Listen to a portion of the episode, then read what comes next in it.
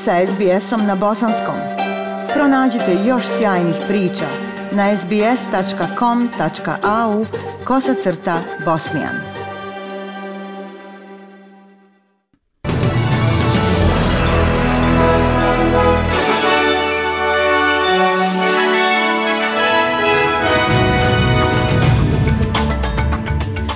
današnjim vijestima donosimo. Premijer Scott Morrison je ponovio da odnos između Australije i Kine ostaju važni uprkos trenutnim propustima.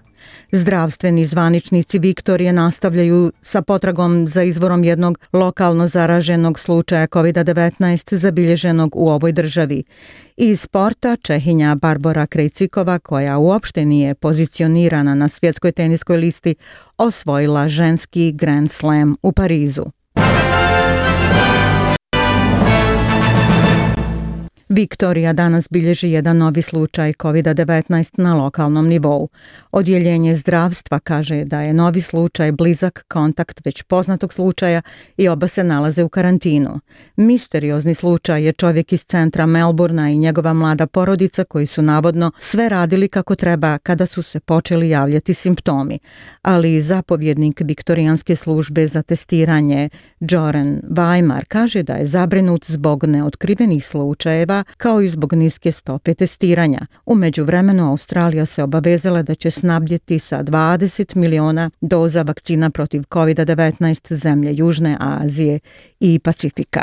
Ministar zdravstva Martin Foley kaže da je posljednji slučaj povezan sa izbijanjem virusa u staračkom domu Arker Maidstone, ali ne radi se o rezidentu doma. However, just like uh, the one day that we've had of zero cases on Friday, this case uh, in quarantine. Eto jedan dan bez zabilježenih slučajeva, kao u petak, dobra stvar je što su slučajevi u karantinu, ali ne možemo to uzeti zdravo za gotovo kao završenu misiju. Još uvijek moramo puno toga uraditi, ispitati i osigurati da se što više stanovnika Viktorije testira. Trenutno je 68 aktivnih slučajeva u Viktoriji koji se nalaze u hotelskom ili kućnom karantinu. Sljedeća vijest, lideri grupe G7 su objavili plan za izgradnju infrastrukture u siromašnim zemljama, nudeći uspostavljanje vrijednosti visokog standarda i otvorenosti u partnerstvu kao protivtežu kineskoj inicijativi Belt and Road. Prihvatanje američke inicijative nazvane Build Back Better World dolazi nakon sastanka američkog predsjednika Joea Bidena i ostalih lidera, a odnosi se na strateško nadmetanje sa Kinom – Lideri su se također opredijelili za pomoć u izgradnji infrastrukturnih potreba u zemljama sa srednjim i niskim prihodima, sa nadom da će uspjeti da potisnu kineski uticaj u zemljama širom Azije, Latinske Amerike i Evrope. Premijer Scott Morrison je naveo da Australija podržava stabilan i miroljubiv region Indo-Pacifika i želi da se ponovo nastavi dijalog sa Kinom, ali sada je do Pekinga da ponovno pokrene linije komunikacije. Premijer Scott Morrison susreo se sa svjetskim liderima na samitu G7 gdje se raspravljalo o teškoćama izazvanih COVID-19 te klimatskim promjenama. Gospodin Morrison je prvo imao trilateralni sastanak sa američkim predsjednikom Joe Bidenom i britanskim premijerom Borisom Johnsonom. Lideri zemalja G7, Velika Britanija, Sjedinjene države, Kanada, Japana, Francuske, Njemačke i Italije će potpisati seriju odrednica u vezi sa životnom sredinom, u Kerbys Bayu u Velikoj Britaniji dok Boris Johnson obznanjuje projekat vrijedan 916 miliona australskih dolara nazvan Blue Plant Fund da bi se zaštitili okeani i mora. Premijer Scott Morrison kaže da je Australija ambiciozna u rješavanju klimatskih promjena. Australia has a strong record of achievement, uh, performance uh, Australija ima jasne dokaze o poboljšanju. Izvodivost je isto toliko važna kao i sama ambicija. Naše ambicije će se ostvariti, desiti i biti nastavljene. Naše ambicije nakon 2030. su tek temelj istih svakako nisu kraj. Gospodin Morrison je također ponovio poziv da se izvrši temeljna provjera o porijeklu COVID-19. Na forumu G7 o zdravlju raspravljalo se o hipotezi o curenju iz laboratorije koronavirusa, a najvjerovatnije da će konačni zaključak biti da se pozove Svjetska zdravstvena organizacija za novu istragu. Gospodin Morrison kaže da će nova istraga pomoći da se u budućnosti mogu preventirati nove pandemije i utemeljiti transparentnost.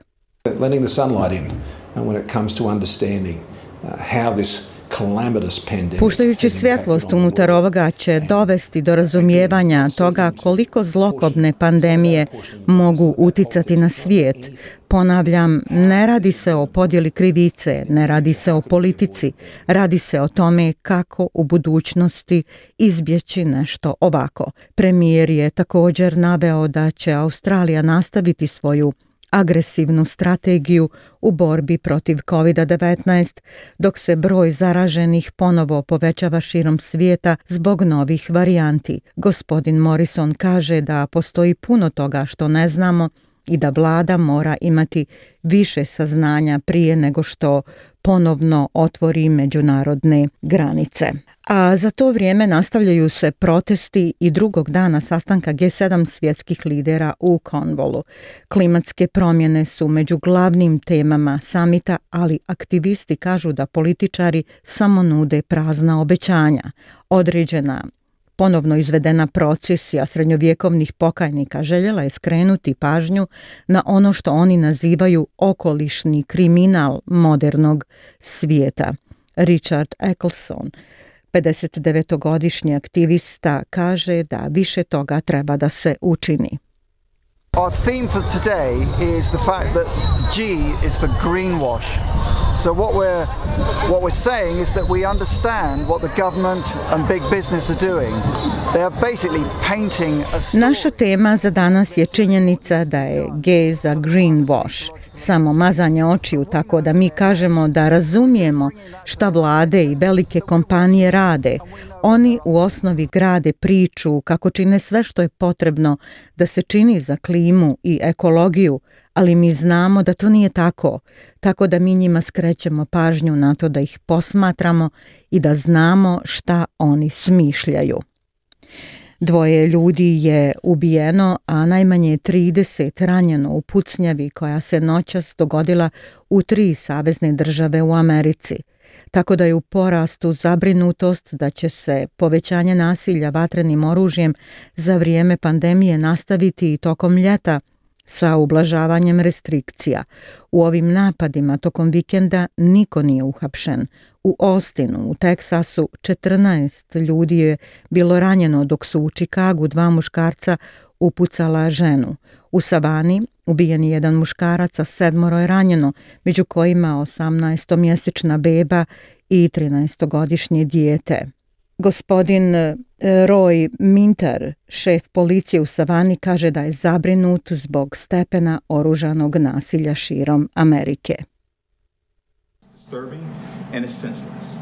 Um, and I can tell you that we are fully committed here in the city of Savannah Ovo je uznemirujuće i besmisleno. Mogu vam reći da smo ovdje u Savani potpuno posvećeni tome da učinimo sve što je potrebno da kontrolišemo situaciju. Ali kada vidite ovakve incidente, broj povrijeđenih žrtava, a posebno djece, zaista, zaista je uznemirujuće.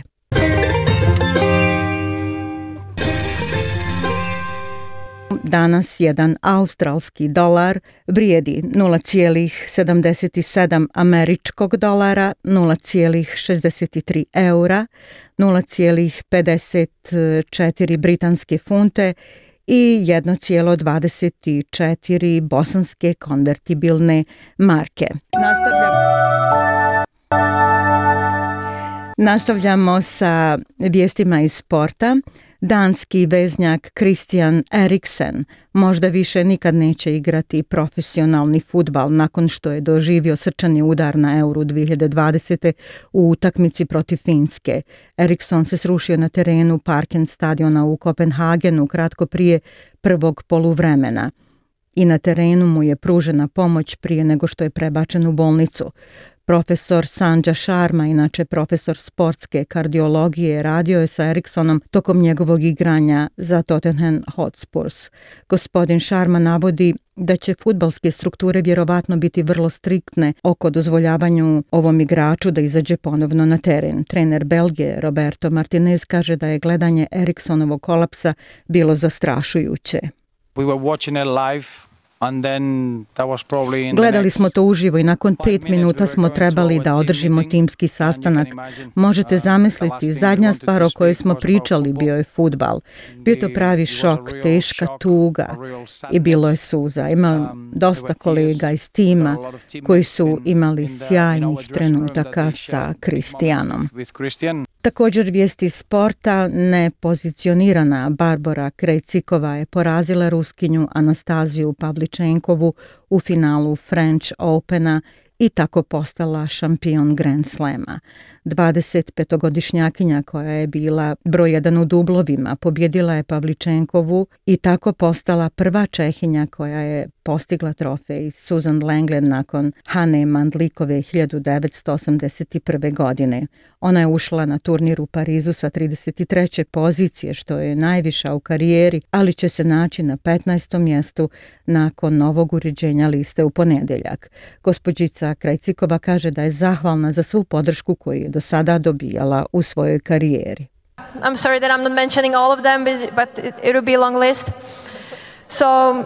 Svim ljudima iz Češke Republike, najviše mojim roditeljima, svima kod kuće, mojim prijateljima, svako koga poznajem, neka mi oproste ako nekog ne pomenem jer ovo je duga lista. Samo u istinu želim da se zahvalim što su mi dali ovu hrabrost da izađem na ovaj teren i da vježbam naporno i da se borim za svaku lopticu i da ostvarim svoje snove. Hvala vam.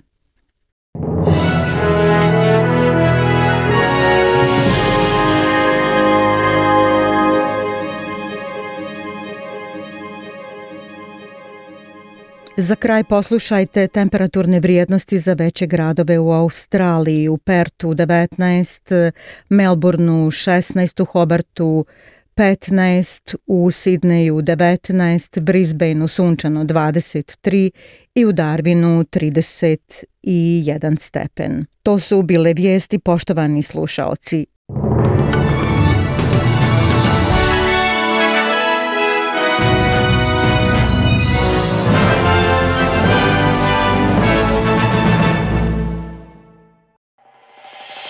SBS na bosanskom. Podijelite naše priče preko Facebooka. Želite poslušati još ovakvih priča? Slušajte preko Apple podcasta, Google podcasta, Spotify ili kako god da primate svoje podcastove.